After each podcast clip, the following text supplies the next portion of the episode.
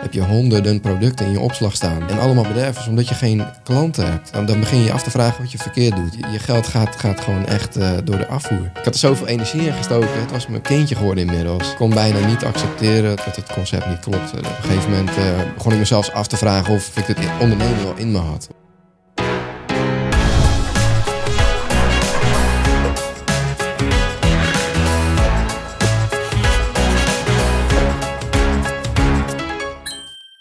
Hey Jack, van harte welkom bij Young Ones.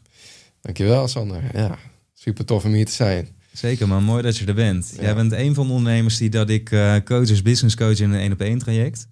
En we gaan vandaag helemaal inzoomen op jouw ondernemersavontuur. Want dat is een heel mooi verhaal, vind ik zelf. Een verhaal met ups en downs, maar ook een verhaal waar heel veel andere ondernemers of startondernemers van kunnen gaan leren. En uh, op die manier gaan we het aanvliegen. Ja. En de eerste vraag die dat ik jou wil stellen is: wat was jouw grootste uitdaging als ondernemer toen dat jij bij mij terecht kwam? Ja, de grootste uitdaging: publiek. Ik had eigenlijk geen publiek. En daar liep alles ook een beetje op spaak. Um, dat, dat is waar het probleem begon. Waar ik, waarin ik eigenlijk begon te zien dat er een probleem was. Er was geen publiek, er waren geen likes, er waren geen volgers, er waren geen klanten.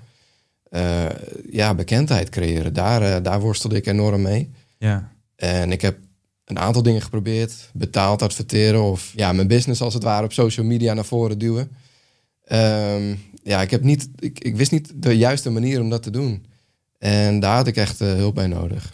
Ja, en zou je eens kunnen uitleggen wat de aanloop daar naartoe is geweest? Want je zei, ik had geen, geen publiek, dus inderdaad geen doelgroep. En dat vertaalde zich naar gewoon bijna geen sales.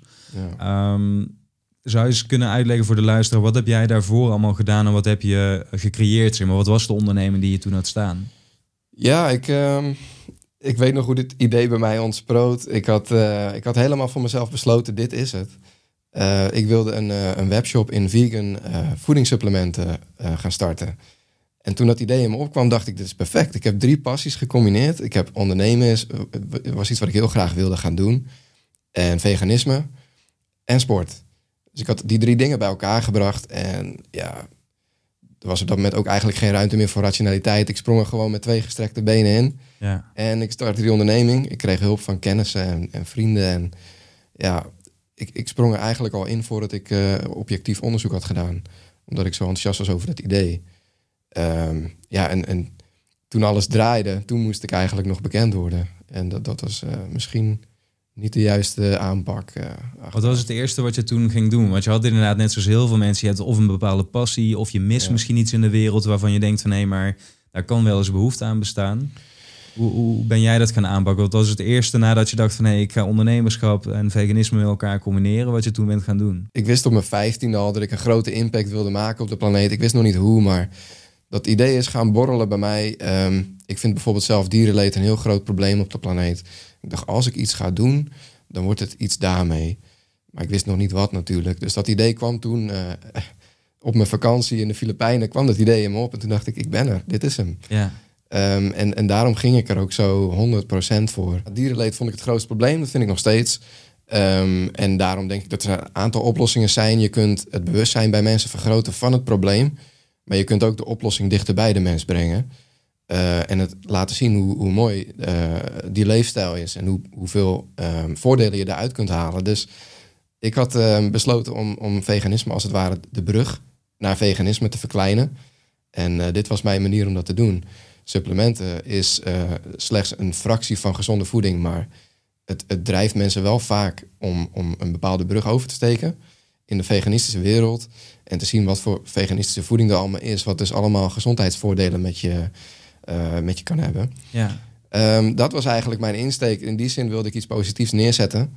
En um, um, ja, met, met die gedachte ging ik, uh, ging ik de onderneming in. Ja, gaaf. Dus compleet ja. wel vanuit die, die goede intentie natuurlijk. Ja. Dat is wat ik ook vaak zeg van mensen die willen beginnen met ondernemen. Ja, dat komt bijna nooit uh, vanuit kwade wil.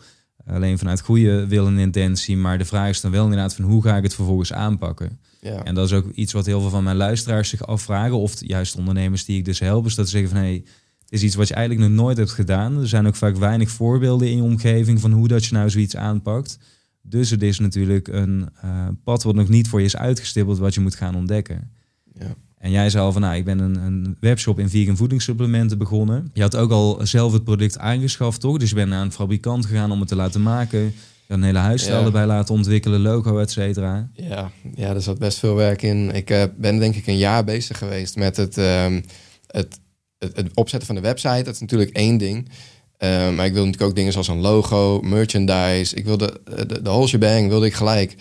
En ik heb gelukkig in mijn familie een zwager.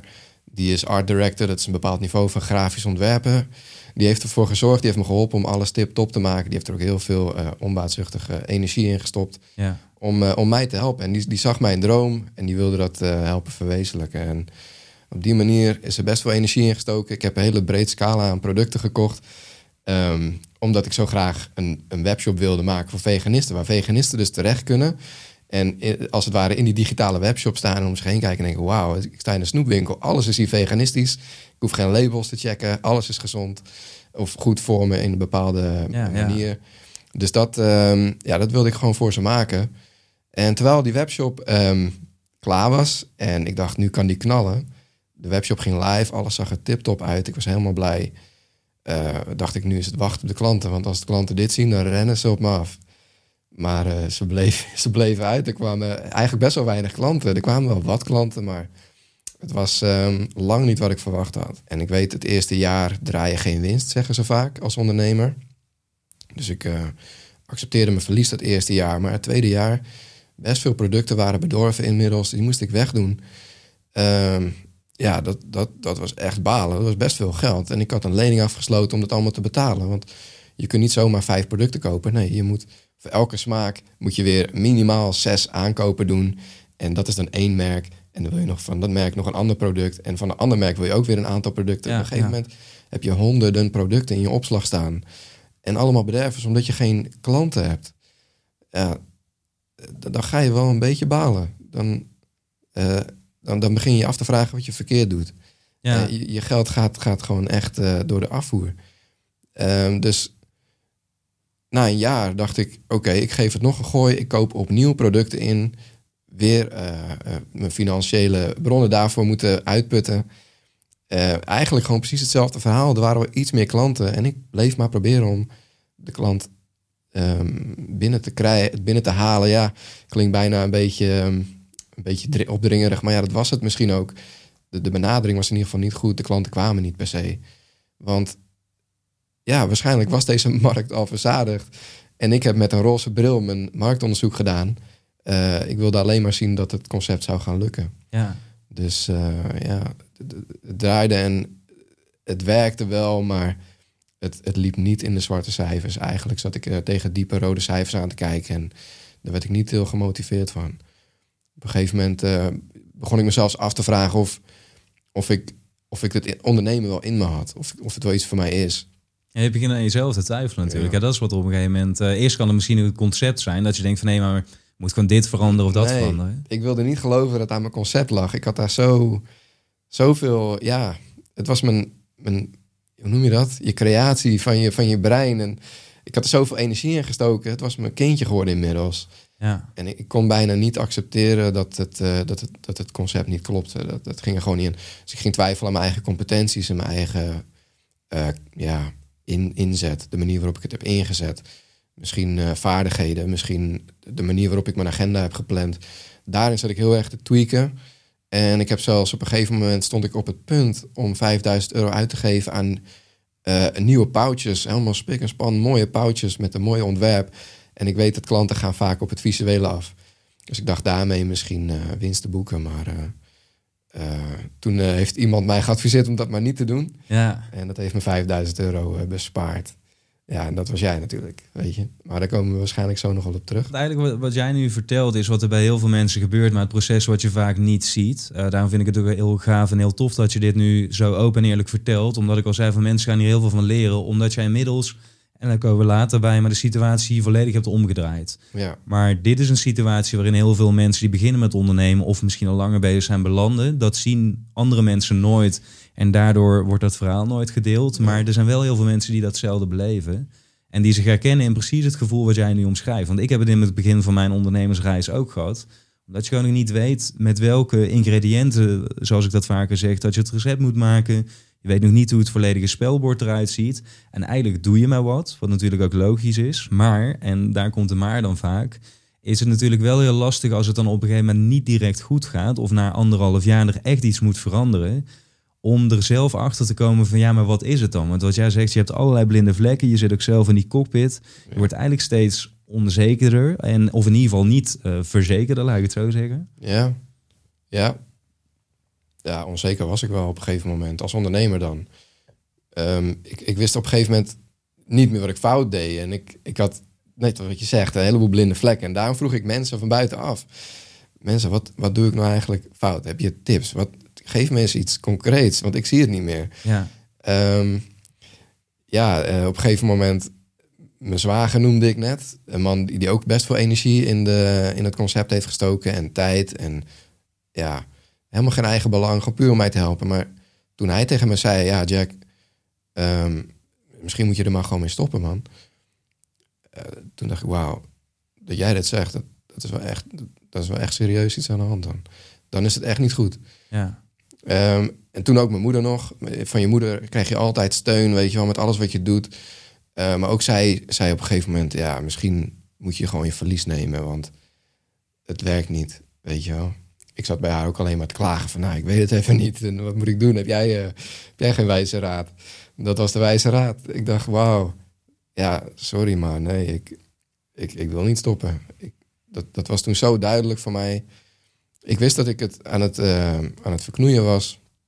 Maar stoppen, dat kwam niet in me op. Ik dacht, ik, ik wil dit. Ik wil ondernemen. Ik wil iets opbouwen. Ik wil succesvol worden. Ik wil iets, ik wil iets betekenen, weet je wel. Uh, dus ik, ik, ik, wilde doorgaan. Ik wilde vooruit.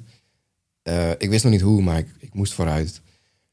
En nou, alle mensen die ik om me heen om hulp vraag, je krijgt mooie input en het komt allemaal van liefde, maar eigenlijk weten zij het ook niet. Vaak zijn dat denk ik dan ook niet zelf ondernemers, toch? Nee, ja, Degene die je om advies hebt gevraagd. Klopt. Ja. Um, en ik wou, dat, net als wat je net zegt, dat ik uh, iemand zijn verhaal had horen doen over hoe je dus een onderneming van begin af aan verkeerd aanpakt. En uh, hoe hard je dan onderuit gaat. Want dat is eigenlijk precies wat met mij is gebeurd. Dus ik hoop voor de kijker en luisteraar dat, uh, dat, dat ze er iets uit kunnen halen. Want dat kan je zeker helpen. Ja. Want op dat moment stond ik echt uh, ja, met mijn handen in het haar. Ik wist het gewoon niet. Um, ik wist alleen dat ik deskundige hulp nodig had um, voor ondernemen. Want ik wilde wel echt voorwaarts. Ik wilde niet stoppen. Ik wilde niet genoegen nemen met, een, met ja, het, het cancelen van mijn, van mijn levensdoelen eigenlijk. Dus ging ik op zoek naar een ondernemerscoach.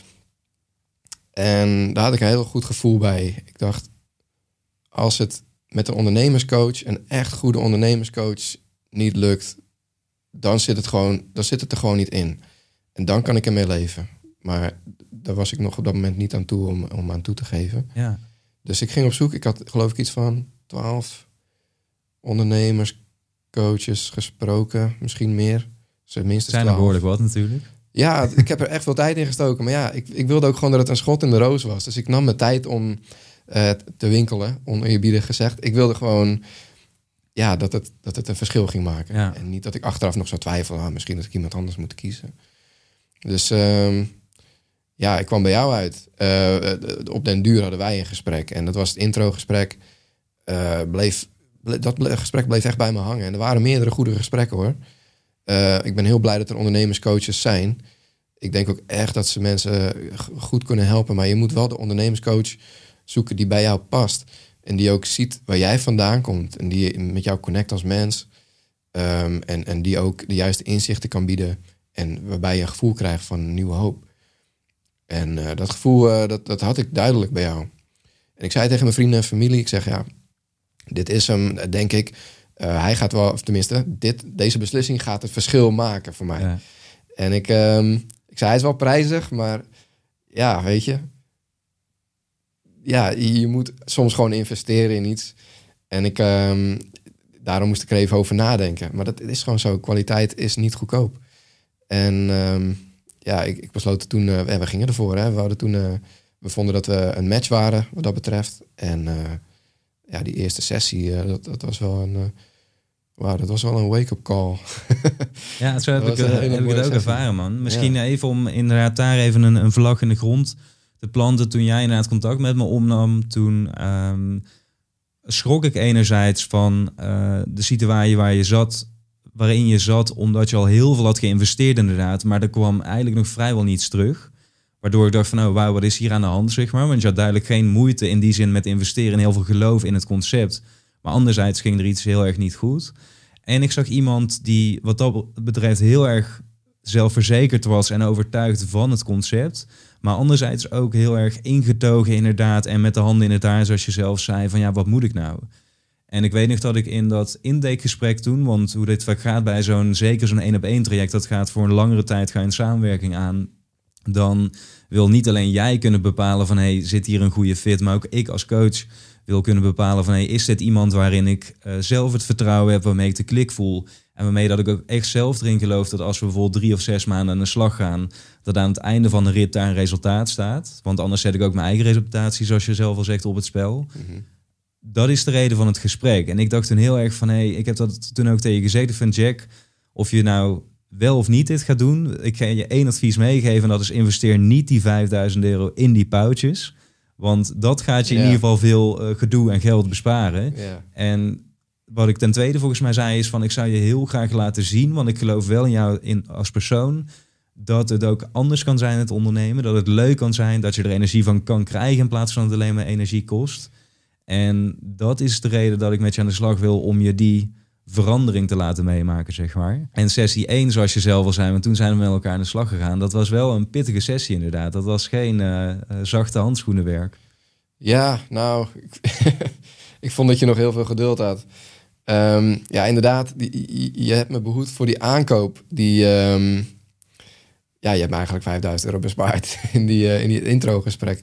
Want ik stond echt op het punt om dat aan te kopen. En iedereen was het met me eens. Maar jij zei, ja, daar ga je niet... Dat is niet je sleutel tot succes nu. Dus we zijn toen dit, dit traject ingegaan. Hè? Uiteindelijk zijn was ik hier. En ik herinner me nog dat er een... ehm, ik, ik had het concept nog steeds in mijn hoofd als een succesconcept. En het, het doet heel erg... eh, het voelde heel moeilijk voor mij om te accepteren. Want ja, ik denk als jij in het introgesprek had gezegd... Jack, dit concept van jou, het rammelt van alle kanten. Je moet het veranderen. Misschien moet je het zelfs wel helemaal omgooien tot iets anders. Ik denk als je dat toen had gezegd, dat- daar was ik nog niet klaar voor op dat moment om dat te horen. Dus dan had ik misschien wel nooit met je in zee gegaan. Ja. Die timing van je boodschap was goed. In de eerste sessie liet je me eigenlijk heel langzaam, maar zeker inzien ehm, dat, dat ik eigenlijk niet goed begonnen ben. Dat wilde ik niet geloven. Er stond zo'n muur voor. En uiteindelijk, ehm, ja, ik weet nog dat we een beetje hebben gediscussieerd inderdaad. Het ging een beetje over en weer. En ik zei ja maar en jij met nee. Ehm, je, je pareerde me steeds weer met de feiten zoals ze zijn. En de logica erachter. En eh, ja, toen begon ik toch eh, te accepteren dat, ja, inderdaad, oké, ja.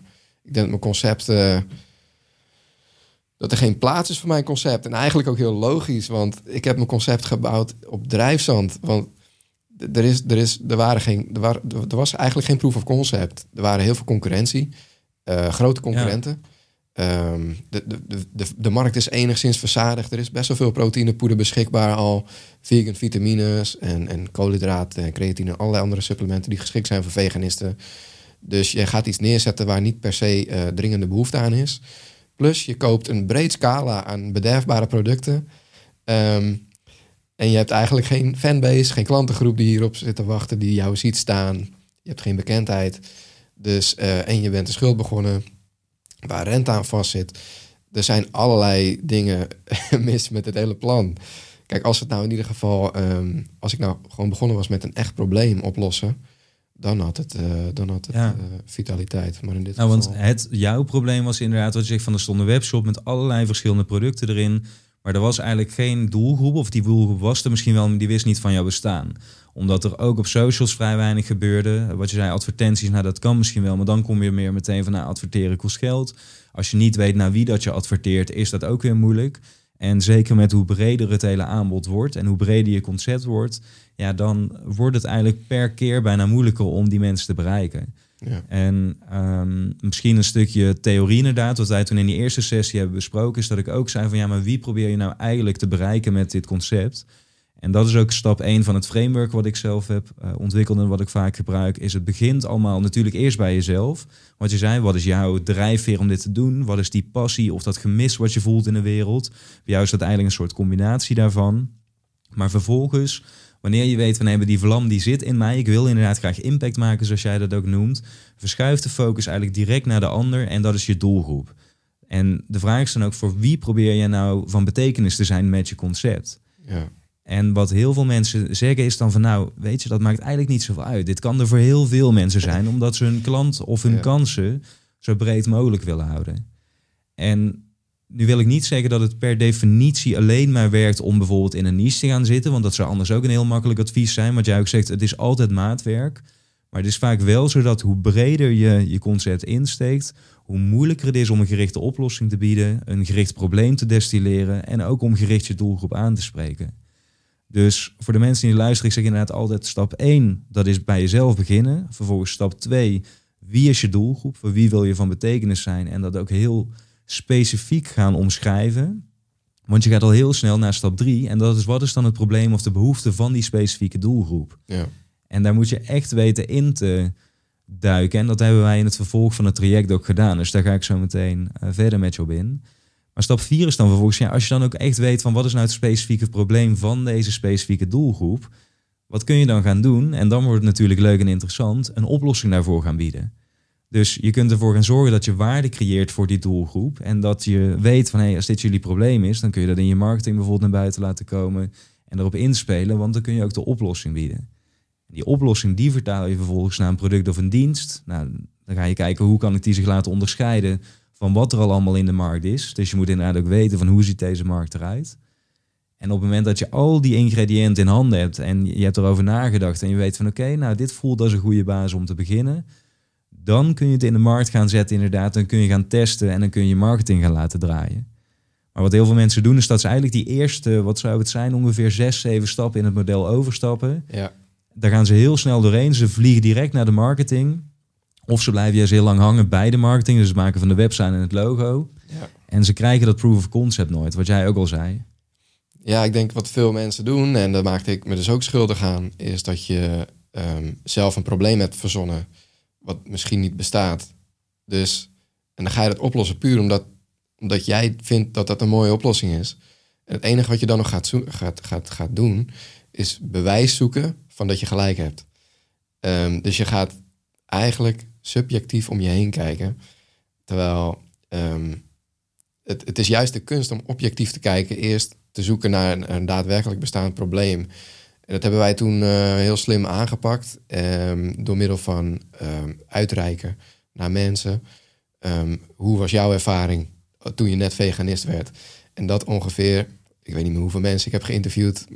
Tig. Uh, ja. Best veel mensen. En kreeg ik allerlei verhalen voor, maar ook heel veel patronen. En dan pas ga je zonder je eigen gevoel of je, je voorgevoel of je, je, je, ja, hetgene wat jij weet in jouw kleine wereld.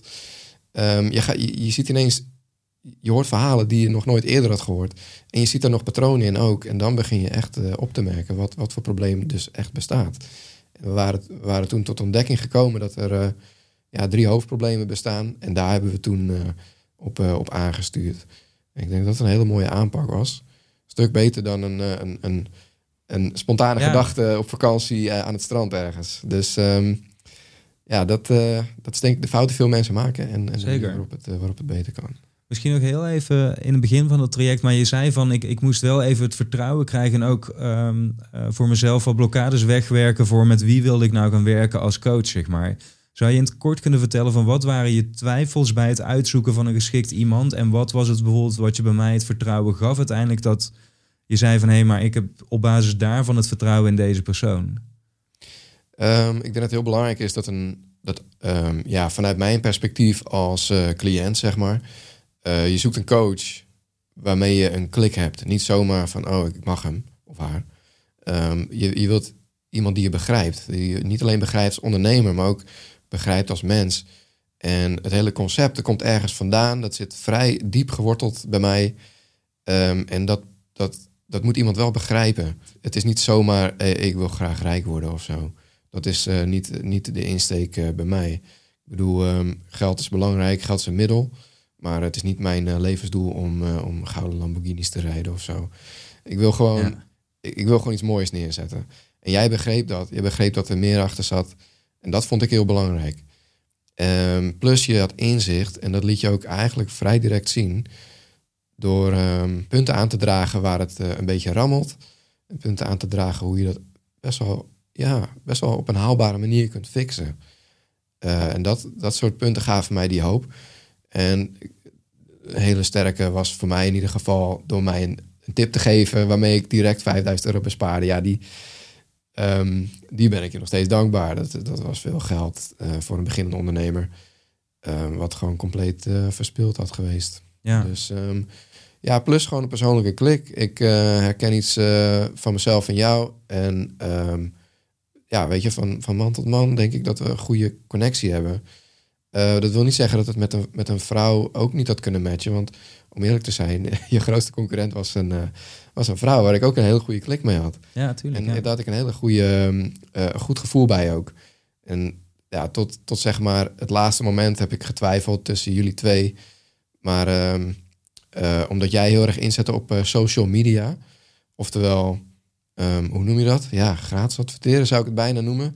Nou ja, dus inderdaad, ik zeg altijd van je hebt meerdere manieren om je doelgroep te bereiken. En een, Ja. een grove verdeling is of organisch. En dat betekent dus dat het niet per definitie geld kost, maar wel tijd. Ja. En dat is inderdaad content marketing of social media marketing, zoals veel mensen dat kennen. Ja.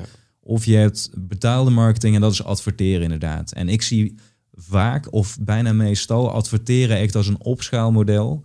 Dus wanneer dat je al weet van hey, ik heb proof of concept, het draait al goed om dan een soort van de, de zesde versnelling in te schakelen of de vijfde, afhankelijk van welke auto. Ja, Maar inderdaad, content marketing is wel echt mijn ding en daar zet ik ook heel erg vaak op in bij het eh, lanceren of het laten groeien in het begin van de onderneming. Ja, en ik merkte ook dat dat mijn ding was. Want ik heb best wel vaak ehm, ge- geprobeerd betaalde advertenties in te zetten.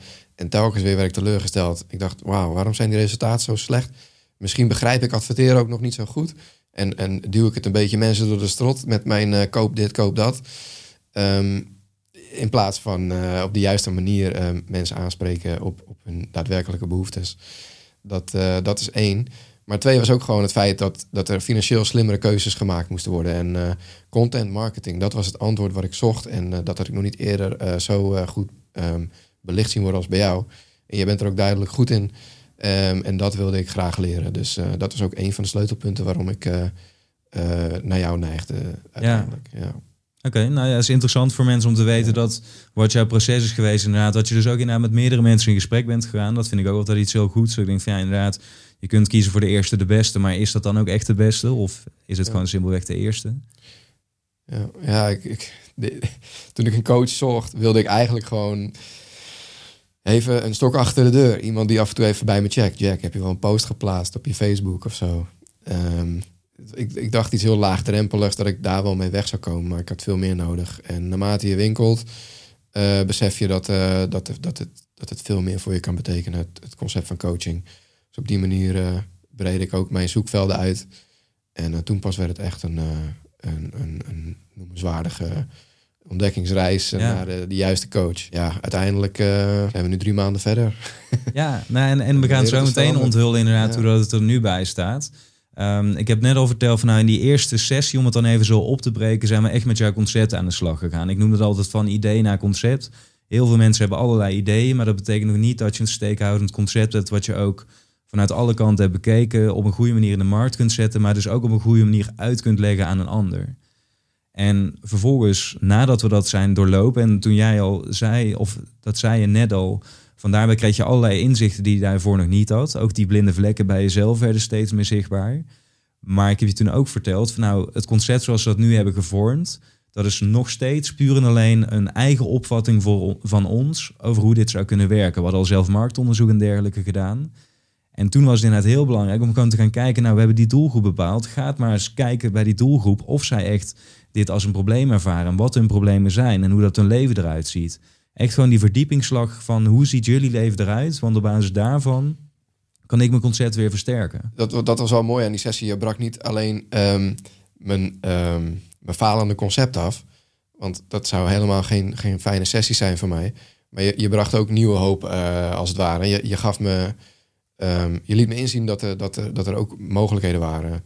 En dat ik, dat, dat ik uh, op mijn manier iets, iets beters of iets anders kon betekenen. Veganisme is aan het, aan het ontwikkelen. Het is echt aan het groeien. Um, ik heb de statistieken niet helder, maar ik weet wel dat de trend een enorme stijgende lijn is. ja, en waar groei is, is vaak ook uh, chaos. Dus ik denk dat heel veel mensen nog aan het zoeken zijn naar de juiste manier om veganisme in te vullen. Dat hebben we toen, denk ik, correct geïdentificeerd. Dat, er, dat daar behoefte ligt. Want best veel mensen neigen naar junkfood. Omdat het makkelijker is en het ligt in de supermarkt. En er wordt zo lekker mee geadverteerd. Het ziet er zo lekker uit, zo'n zo'n vette burger. Wat ook nog eens vegan is. Ja, als je daarvan gaat leven, dan ga je niet goed voelen. Dus ja. um, iets gezonder je leven invullen. Maar wel op een haalbare manier voor iedereen. Uh, daar zijn we toen een beetje op aan gaan sturen, want we, we, merkten dat daar de behoefte lag. Er zat natuurlijk een heleboel onderzoek aan vooraf. Maar, uh, en jouw expertise ook. Ja, ik want heb... dat, was, dat merk ik ook bij veel ondernemers. Jij hebt al zoveel ervaring met plantaardige voeding. Je bent daar al hoe lang mee bezig? Hoeveel jaar in totaal? Ja, um, goh, ik heb nooit die begindatum scherp gedefinieerd. Maar ik weet wel dat ik ongeveer vier jaar veganist ben nu. En ik ben 19 jaar bezig met voeding. Uh, 19 jaar, dat is natuurlijk Precies. best wel lang.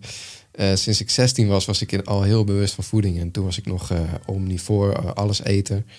En, um, maar ik wist, ik, ik, ik was heel erg bezig met het ideaal samenstellen van mijn dagelijkse voeding. En uh, fit, fit worden, fit uitzien, fit voelen.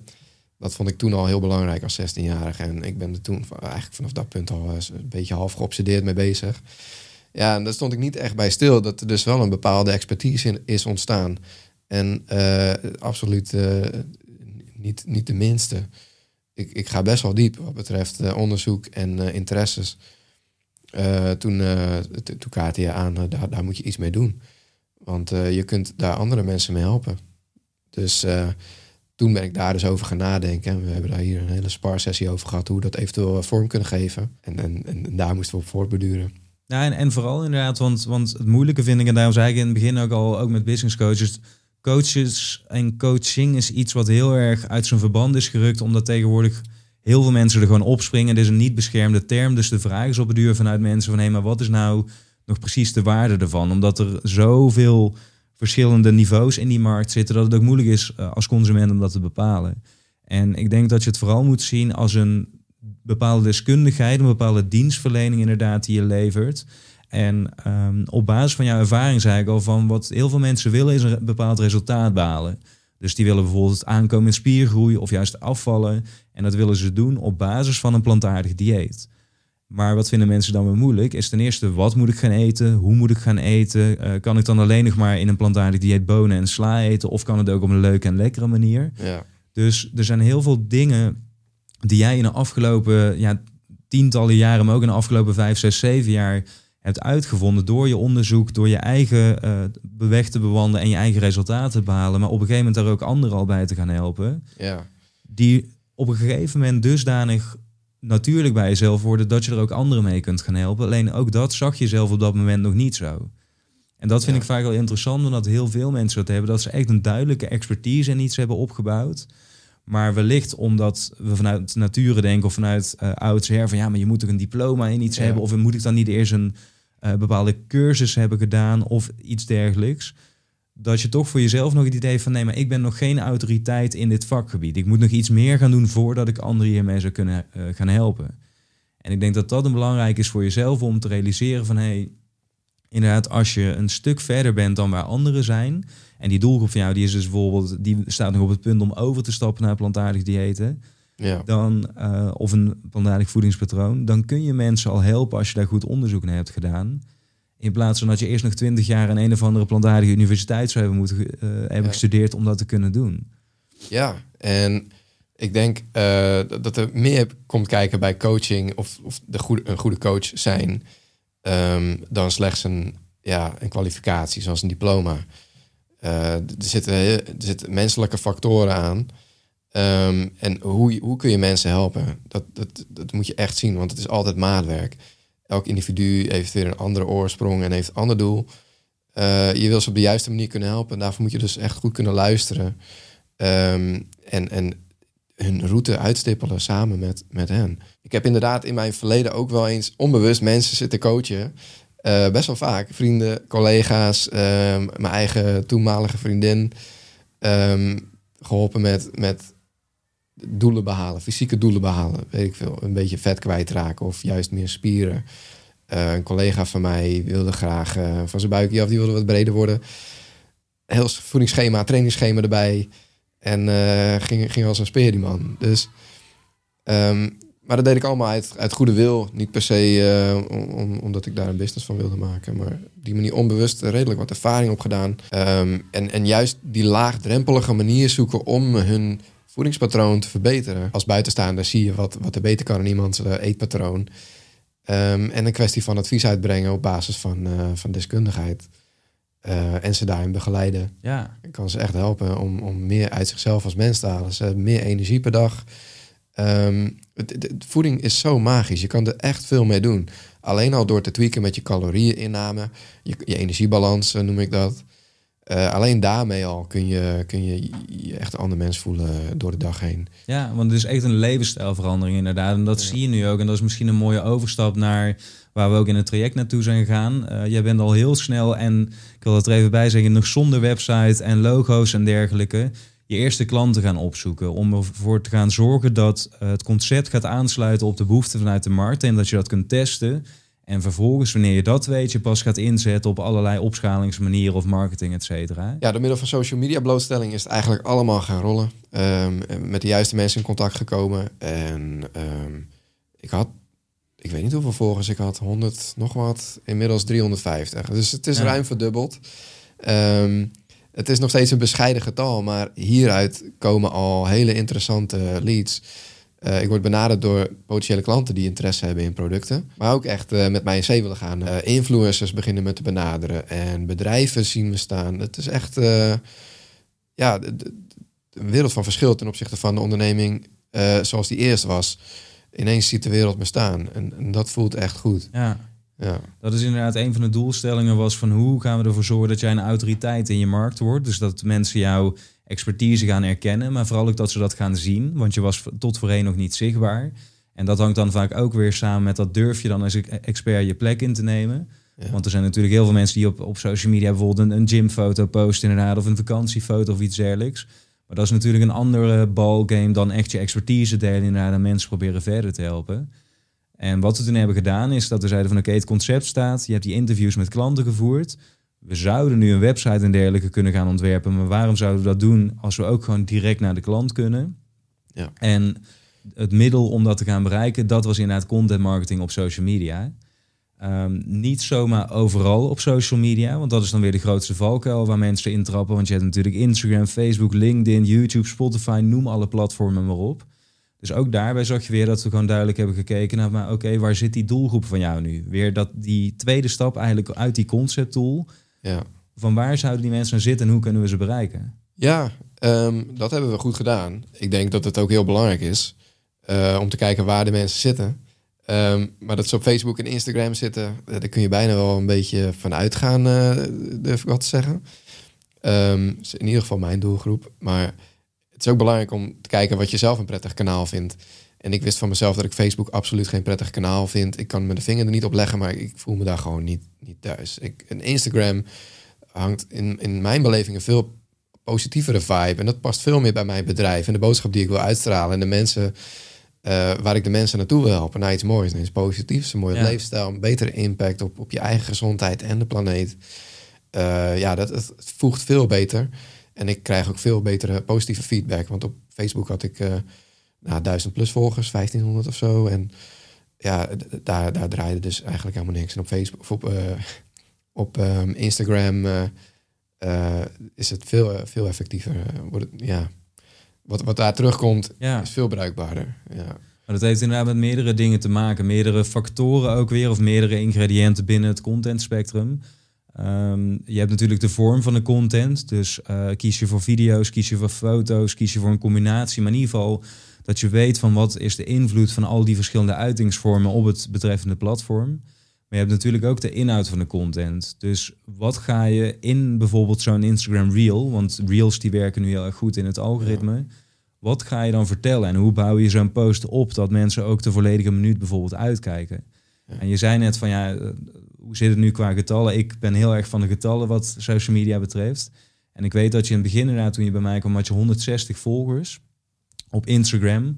Wat verder ook niet zo heel relevant is, want toen was je ook nog niet aan het posten over dit onderwerp. Maar op dit moment heb je inderdaad 370 volgers, dus het is meer dan verdubbeld. En dat zijn ook vrijwel allemaal mensen met interesse in dat specifieke onderwerp wat jouw autoriteit is en wat jouw niche is. Ja. En als ik dan kijk naar hoeveel mensen dat je hebt bereikt in die korte periode. En dat zijn dus niet alleen mensen die binnen jouw community van volgers zitten, maar ook allemaal daarbuiten. Maar wel met die interesse in plantaardige voeding. Dan is dat nu al over de 30.000 gegaan in die uh, paar maanden tijd. Ja. Um, en dat zou echt onzin zijn om dat volledig aan mijn hulp toe te wijzen. Want dat heeft ook veel mee te maken met hoe jij alles hebt opgepakt. Dat je met de tools die ik je heb gegeven aan echt aan de slag bent gegaan. Echt bent gaan experimenteren over je eigen grenzen. Of ja, niet over je eigen grenzen, maar... Wel uit mijn comfortzone moest Uit je comfortzone, inderdaad, ja. Ja, ja ik... Uh, dat was wel een dingetje. Het maken van reels uh, vond ik last 30.000. Ja, het is een mooi getal. En het is ook een relevante doelgroep. Dus dat, dat, is, het, dat is het mooie aan ja. zo'n zo'n getal. Um, en, en dat verklaart ook de positieve feedback uh, die ik krijg. Ja, dat gaat alleen nog maar beter worden, denk ik. Nou, inderdaad, 30.000 is een heel mooi getal. En ik zei in het begin ook al van heel veel mensen staren zich blind op volgers en getallen op social media. Terwijl wanneer dat het geen relevante mensen zijn die binnen jouw doelgroep vallen, dan heb je er weinig aan. Dus dan zegt zo'n getal niets. Maar in dit geval is het gewoon hele wezenlijke en waardevolle groei. En wat ik ook daarnaast heb gezien als je het over persoonlijke groei hebt, wat eigenlijk ook altijd in zo'n één op één traject onlosmakelijk met elkaar is verbonden is dat jij als persoon ook heel erg bent opengebloeid. Ja, ik, uh, ik, ik was eigenlijk iemand die altijd een beetje in de schaduw van zijn eigen onderneming stond. Want de onderneming moest het werk doen. Dat dacht ik tenminste. Um, ik weet niet of het de maatschappij is of hoe de mens tegenwoordig is, maar niemand houdt van reclame. Alles voelt als reclame als je met merknamen gaat gooien en met, met, met de, ja, hoe noem je dat? De, de gevel van je webwinkel als het ware gaat ja. uh, promoten. Maar laat jezelf gewoon eens zien als mens. Wat, wat ben je aan het doen? Wie ben je? Waarom doe je dat, wat je doet? Um, en, en dan hebben mensen veel meer feeling met je, meer, meer, connectie met je. En ja, waarom verstopte ik me eigenlijk? Ik weet het niet zo goed. Um, ik dacht dat dat de manier was. Uh, heel gek misschien. Maar ik was ook helemaal niet gewend om op social media te zitten. Ik, ik voelde me nooit thuis op social media. Um, dus ja, ik moest een bepaalde comfortzone uitge uitgeduwd worden, wil ik niet zeggen. Maar je moedigde me wel aan om daar, daar uit te stappen. En uh, nou, dat, zo geschieden. Ik heb uh, een paar eerste video's opgenomen. Nou, die waren zo slecht dat ik ze niet heb gepost. Maar uh, het was enorm leerzaam om jezelf dan terug te zien. Feedback samen besproken. Ja. En opeens uh, lukte het me om mijn eigen reels te maken met een daadwerkelijke boodschap. Um, en, en zo moeilijk is het op zich niet als je het eenmaal doet. Het is gewoon een kwestie van een slim script hebben, een bepaalde boodschap willen hebben, een rode draad in je verhaal ja. en gaan. Zet de camera aan en het knippen komt dan eventueel later wel. Dan heb je een mooie reel, compacte informatie. En um, ja, wie houdt er niet van snelle, behulpzame informatie en weer verder. Ja, zeker. Ja. Het is gewoon echt content waar mensen meteen iets aan hebben binnen een minuut. En had je in het begin ook het gevoel, want dat zeggen veel mensen, van ja, nee, maar ik kan bijvoorbeeld nog geen video's knippen. Of nee, ik heb nog geen goede camera. Of dat het daarin zit. Heb jij dat nodig gehad om deze reels te kunnen maken en om die eerste klanten te kunnen bereiken? Het is heel simpel. Uh, kleine leercurve, maar uh, uh, het, is, het is niet zo dat je daar heel veel skills voor moet hebben of zo. Is gewoon een kwestie van schuiven met de balkjes en denken, oh, zo, is wel, eh, zo ziet het er wel goed uit. Ja. Dus in principe zou elk ondernemer met minimale middelen en ook minimale kennis kun je gewoon goede Instagram reels of video's voor op socials maken. Dus niet ja. dat je direct een hele filmstudio hoeft op te bouwen om dat uh, te doen. Nee, wat, wat mijn investering is, ik, ik heb een tripod gekocht voor mijn telefoon. Um, ik heb er dan een heel klein goedkoop microfoontje bij gekocht. Dat misschien niet nodig geweest. Ja, dat, dat was het eigenlijk wel. Een kwestie van een goed belicht plekje zoeken in je woonkamer. En trek een leuke trui aan en uh, ja, doe je verhaal. Ja, ja.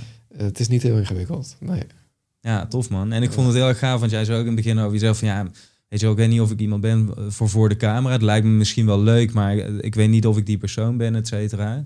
En ik zei nogal vrij snel tegen jou dat ik zei van nee, maar wat ik dan weer zag is iemand die juist heel goed uit zijn woorden komt, die zichzelf fantastisch kan presenteren. Dus dat is al een soort stukje talent wat je met je mee had. Uh, dat hoeft ook niet per se, want als je dat niet hebt, dan kun je daar zeker in groeien. En dan zijn er ook allerlei technieken en oefeningen voor. Maar als ik dan zie hoe snel jij, en dat kunnen mensen ook zelf zien, gewoon Jack Staak, het staat in de omschrijving van deze podcast of in de omschrijving van deze video. Hoe snel je dat hebt opgepakt en uh, hoe het dus is gegroeid, dat vind ik echt gewoon bewonderenswaardig. Dat heb je echt heel erg goed gedaan. Thanks. Ja, wat voor mij een beetje de, de eye-opener was daarin, is um, je denkt vaak dat de lat hier ligt, dat je erbij moet gaan zitten als een nieuwslezer en helemaal alles perfect uh, geregeld moet hebben voor je setup.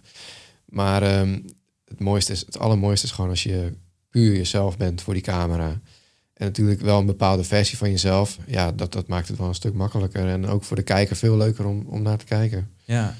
Dus uh, ja, dat doe ik eigenlijk gewoon. Al mijn video's zijn gewoon echt puur Jack die je ziet. En, uh, dat en hoe merk je dat dan om even die overstap naar uh, betalende klanten te maken? Want die heb je nu ook al behoorlijk wat. Ja. Um, jij zei ook al tegen mij van hey, mensen, klanten willen zich in jou kunnen herkennen. Of het nou in een productonderneming is of een dienstonderneming. Maar er moet een soort connectie en een vertrouwensband natuurlijk ontstaan. En door content te maken kun je al inderdaad, als je dat vanuit jezelf doet, een stuk vanuit jezelf uh, blootgeven. Waardoor de kans natuurlijk ook veel groter wordt dat de mensen die op je reageren, die connectie al met je voelen. Hoe heb jij dat ervaren in vervolgens het genereren van betalende klanten? Was die match meteen een stuk beter wanneer je met iemand voor de eerst in contact kwam? Wat ik goed heb gedaan, denk ik, is het, uh, het vooronderzoek. De, de grootste problemen die, die er spelen bij beginnende veganisten, maar ook bij bestaande veganisten die al jaren bezig zijn, maar zich niet optimaal voelen. Want het is toch een nieuwe leefstijl en er bestaat geen handleiding of zo. Kijk, het, het aardappelvlees groente verhaal wat, wat we als Nederlander kennen, dat kennen we wel. Ideaal invullen van je plantaardige dieet is, is, is een beetje gissen. En het kan zijn dat je, dat je, het, iets, dat je het niet ideaal doet. Um, dus daarom uh, heb ik de problemen geïdentificeerd. Maar er zijn ook nog andere problemen, zoals sociale issues. Um, mensen vinden het soms heel lastig om in een gezelschap, op een verjaardag bijvoorbeeld, aan te geven dat ze veganist zijn. Dat ze bepaalde dingen dus niet kunnen eten. En voelen zich helemaal bezwaard. Uh, en worden zelfs een beetje gepusht om dan toch ja te zeggen. En toch dat gebakje te eten. En het kan best wel complex zijn voor een veganist. Soms voel je een bepaalde druk. En je bent altijd die eenling, weet je wel. Dus uh, daarmee omgaan was een uh, heel herkenbaar punt. Als ik dat aankaart, bijna iedereen herkent zich daarin. Puur omdat ik weet uit vooronderzoek dat heel veel mensen er last van hebben. Dat ik er geen last van heb, wil niet zeggen dat andere mensen daar geen last van hebben. Ik heb, geluk, ik heb het geluk dat ik daar dus wel mee om kan gaan. Maar zo heeft iedereen zijn eigen uitdagingen. En de andere uitdagingen die je heel veel ziet, um, is, is het feit dat mensen ja, het laagdrempelige pakken. Dus hetgene wat als vleesvervanger in de supermarkt ligt. Maar ondertussen zichzelf afvragen, ben ik nu al goed bezig? Um, de basisvraag is altijd hetzelfde in dat opzicht. Dus als je die aankaart um, en dat op een herkenbare manier brengt in je reels, maar ook in je intro-gesprekken, dan, uh, dan heb je de, de, eerste connectie al gemaakt met je klant. En dan, uh, en dan is het de kwestie van uitvergroten en meedenken in oplossingen. Ja. En daarvan gaan met z'n tweeën. Ja. En wat jij heel erg onderscheidend doet in je concept, want dat is natuurlijk dan ook weer de vraag van hoe onderscheid je je ten opzichte van de anderen die er zijn, is dat je heel erg goed hebt herkend van hey, mensen willen bijvoorbeeld op een leuke, lekkere, maar ook plantaardige manier afvallen of in spiergroei aankomen. Maar wat hoort daar dan bij? Hoe kan ik daar nog meer waarde aan toevoegen dan wat er nu al gebeurt in dit spectrum? En wat jij bijvoorbeeld bent gaan doen, is ook hele uh, op basis van de smaak van jouw klant bijvoorbeeld recepten gaan toewijzen. Dat je zegt van hé, hey, laat in het begin doe je toch een soort onderzoek om erachter te komen van wat zijn jouw voorkeuren en waar hou je absoluut niet van. En op die specifieke behoeften stem je eigenlijk ook een specifiek voedingsplan, inclusief wekelijkse recept af. Wat het nog veel onderscheidender maakt dan wat de meeste mensen doen. Ja, um, de fout wordt nou eenmaal wel vaak gemaakt. Dat er een voedingsplan wordt uitgerold wat niet echt past bij de klant.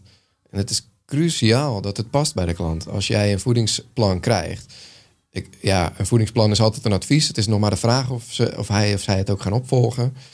Um, en als het ze niet aanstaat, ja, dan leggen ze het aan de kant op den duur. Dan is het niet een houdbaar plan. Ja. Dan leren ze er ook niet echt van. Ze zullen toch weer teruggaan naar hetgene wat ze comfortabel vinden. Dus als je nou eerst onderzoekt, wat vinden ze comfortabel? Waar zijn ze aan gehecht? Willen ze bijvoorbeeld elke ochtend een vloeibare maaltijd? Of willen ze juist een warme maaltijd?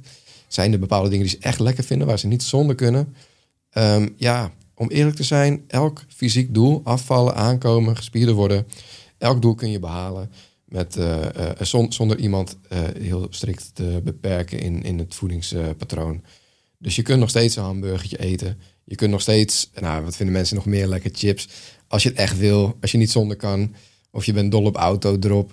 Uh, dat, zijn vegan smaken, ja, auto drop. en uh, dat kan allemaal. Je hoeft niet per se bepaalde dingen te elimineren uit je dieet. Uh, je kunt rustig je doelen behalen. En dat, dat maakt mensen denk ik heel um, gerust. Dat ze, niet, um, dat ze niet een leven hoeven te leiden wat ze misschien niet, stiekem niet willen. Ja. Want anders is het ook niet houdbaar. Het moet wel leuk zijn. Anders is een voedingsplan niet houdbaar voor de lange termijn. Dus ik probeer mensen in te laten zien dat ze nog steeds kunnen genieten van hun eten. Maar tegelijkertijd ook gewoon hun fysieke doelen kunnen behalen. Ja, en hoe gaat het tot nu toe? Hoe uh, zijn de resultaten van je klanten in de afgelopen maanden? Um, ja, ik ga niet al te persoonlijke dingen delen. Maar um, ik ben niet per se iemand die zegt we gaan voor de snelle resultaten. Um, maar als je, als je iemands mindset goed weet te veranderen, dan gaat de rest bijna vanzelf. en dan zie je toch snel resultaten, of je nou wil of niet. en dan gaat het ineens allemaal de goede kant op. Dus ik, ik, zie positieve resultaten bij mijn uh, klanten ook. En sommigen gaan toch wel voor de quick fix. Die willen gewoon klaar zijn voor het strand straks. Maar uh, over het algemeen ga ik voor een levensveranderende, uh, een levensveranderend traject. Ja. En niet voor een quick fix. En vooralsnog um, krijg ik heel goede feedback. De mensen inderdaad zeggen, je hebt echt mijn blik op voeding veranderd. En ik, ik, ik zeg ook, ja, hier, dit, met, met een verandering van je perspectief kun je je hele leven vooruit. Weet je wel, je, je, Zeker, je, bent ja. niet, je bent niet afhankelijk van een voedingsplan. Op een gegeven moment zie je het zelf. Precies, en dat geldt voor heel veel mensen. Wat je zegt van, eh, het was bij jou ook het perspectief op ondernemen. Hoe pak je het aan? Hoe kijk je ernaar? Dat is wat jij nu ook met mensen met voeding doet. En voeding is ook een heel essentieel onderdeel natuurlijk van je levensstijl. Combinatie met beweging en slaap en rust natuurlijk. Maar daar gaat het denk ik uiteindelijk om dat je mensen daarin kunt meenemen. Want we zijn allemaal op een andere manier geprogrammeerd, op een andere manier opgevoed. En het is ook helemaal niet raar dat we daarbij juist de hulp van elkaar inzetten om weer beter te worden en om weer verder te komen in ons leven. Ja. Dus ik denk dat dat juist iets heel moois is wat jij nu ook hebt ervaren. Van, hey, als je mensen dan echt kunt helpen en je ziet dat ze dat resultaat behalen, de reactie en de ontwikkeling die ze daardoor maken, dat is natuurlijk waar je het uiteindelijk van doet en waar jij ook wel al je energie en voldoening uithaalt. Hey Jack, als jij uh, tot nu toe terugkijkt op ons traject, hè, uh, wat ik zei, we zijn nu ongeveer drie maanden en een beetje bezig met deze één op één coaching. Wat is het wat je daarin het meest heeft verrast? Wat je van tevoren wellicht niet had verwacht, maar wat wel tot uiting is gekomen? Ik dacht echt um, de, de man achter de schermen te blijven. En niet per se de, de, hoe noem je dat? De frontman. Ja. Dat had ik nooit verwacht. En ik wist niet dat het in me zat ook eigenlijk.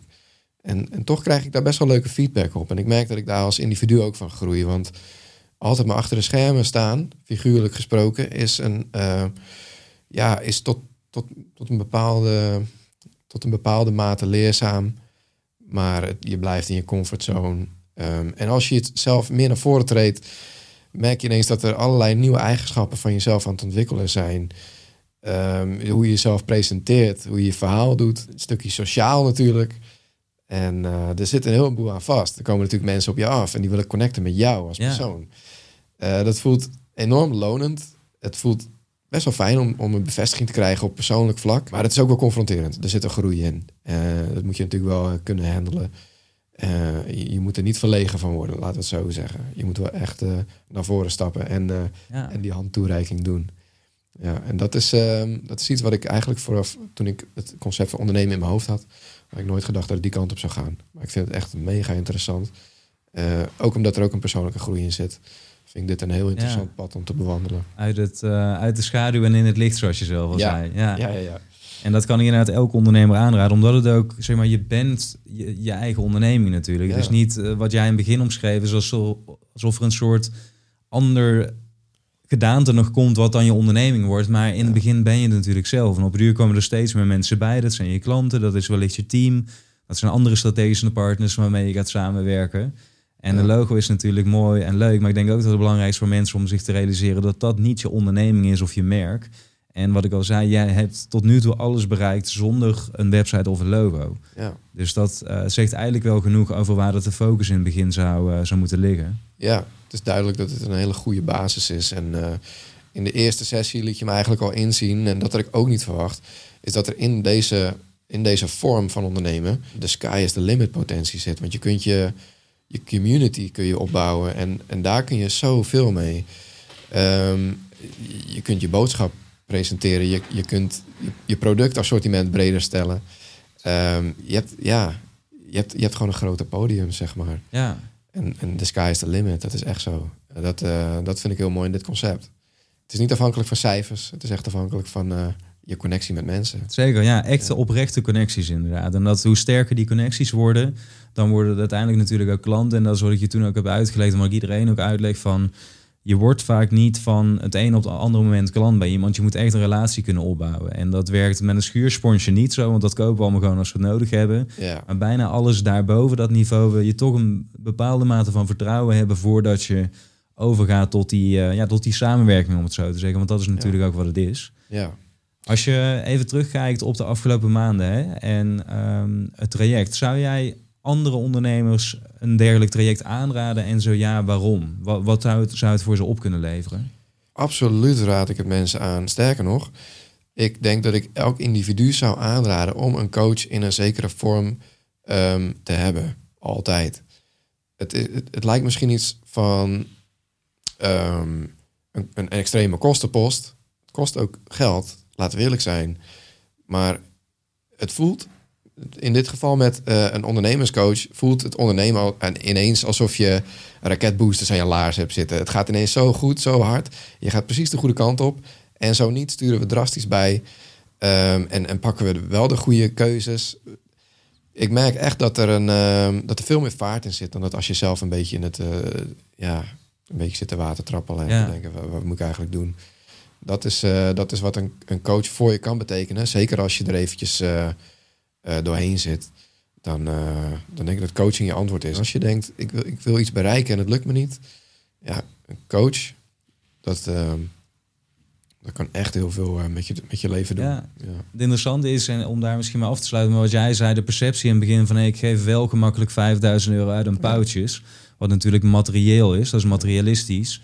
Ten opzichte van, en dat is ook weer een verschil van hoe kijken we naar bepaalde dingen, is investeren in je eigen persoonlijke groei vinden heel veel mensen, ook zeker in Nederland, nog toch een moeilijk iets. Dat zijn we niet gewend wellicht, of dat wordt wat minder op waarde geschat. Want ik krijg die vraag ook nog steeds van, ja, bijvoorbeeld met zo'n traject, ja, wat, wat krijg ik dan precies? Wat is het Ja. wat ik tastbaar in handen krijg? Ja. En dat laat zich in die zin, omdat het ook bij iedereen anders is, van ja, op welk punt ga je groeien? Dat uit zich in de loop van het traject. En natuurlijk kun je wel handvaten geven van, nou, dit zul je ongeveer gaan bereiken. Ja. Maar dus toch die, ehm, ook daarin die mindset shift die mensen nog nodig hebben van hey, dit kan het voor je opleveren en betekenen.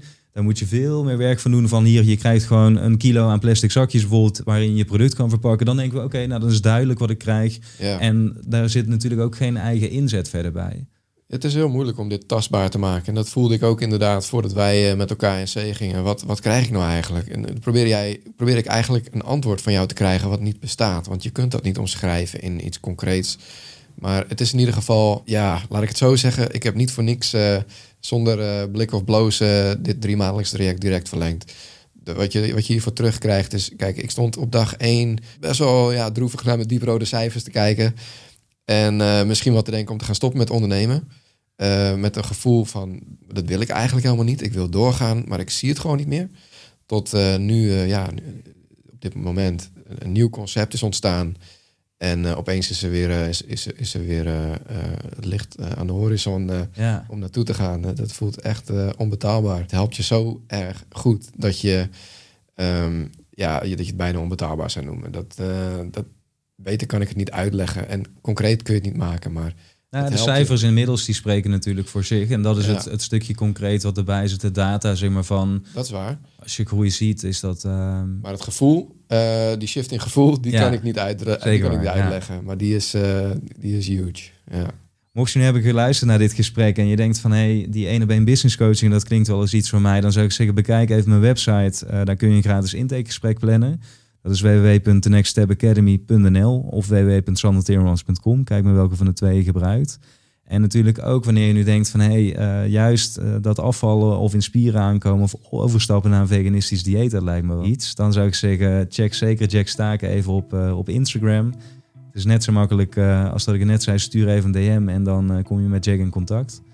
En dan uh, kun je in ieder geval op elk van de twee gebieden aan de transformatie beginnen. Want dat is uiteindelijk waar het natuurlijk om gaat. Om beter te worden, om stappen dichter in de buurt van je doel te komen. En ook om het niet allemaal maar alleen proberen te doen. Ik denk dat dat ook wel een thema is in deze aflevering van hulpvragen is helemaal niet erg. Dat is juist heel erg sterk op bepaalde momenten als je het zelf niet meer ziet. En dat hebben wij allebei gedaan. Dat hebben heel veel mensen die in diezelfde stoel als jij zitten als podcastgast gedaan om te komen waar dat ze nu staan. Dus uh, wat dat betreft moeten we daar allemaal niet te bang voor zijn, maar juist die, dat zien als kansen om, uh, om weer verder te komen. Dus dat. Thanks man. Ik wil je bedanken voor je tijd en, uh, en voor het delen van je verhaal. Hier gaan veel mensen iets aan hebben. Ja, graag gedaan. Ik vond het hartstikke tof om hier te zijn. Dus jij ook bedankt. Oh, twee seconden voordat je weer doorgaat met je dag. Vanaf nu maak ik dus elke week op mijn Instagram bekend wie dat mijn gast zal zijn en geef ik jou de mogelijkheid om vragen in te sturen. Op die manier krijg jij dus direct toegang tot de gasten van de podcast. Volg me op Timmermans en dan ben jij als eerste op de hoogte wie dat er gaat komen en maak je dus ook de meeste kans dat jouw vraag gesteld gaat worden. Tot de volgende keer.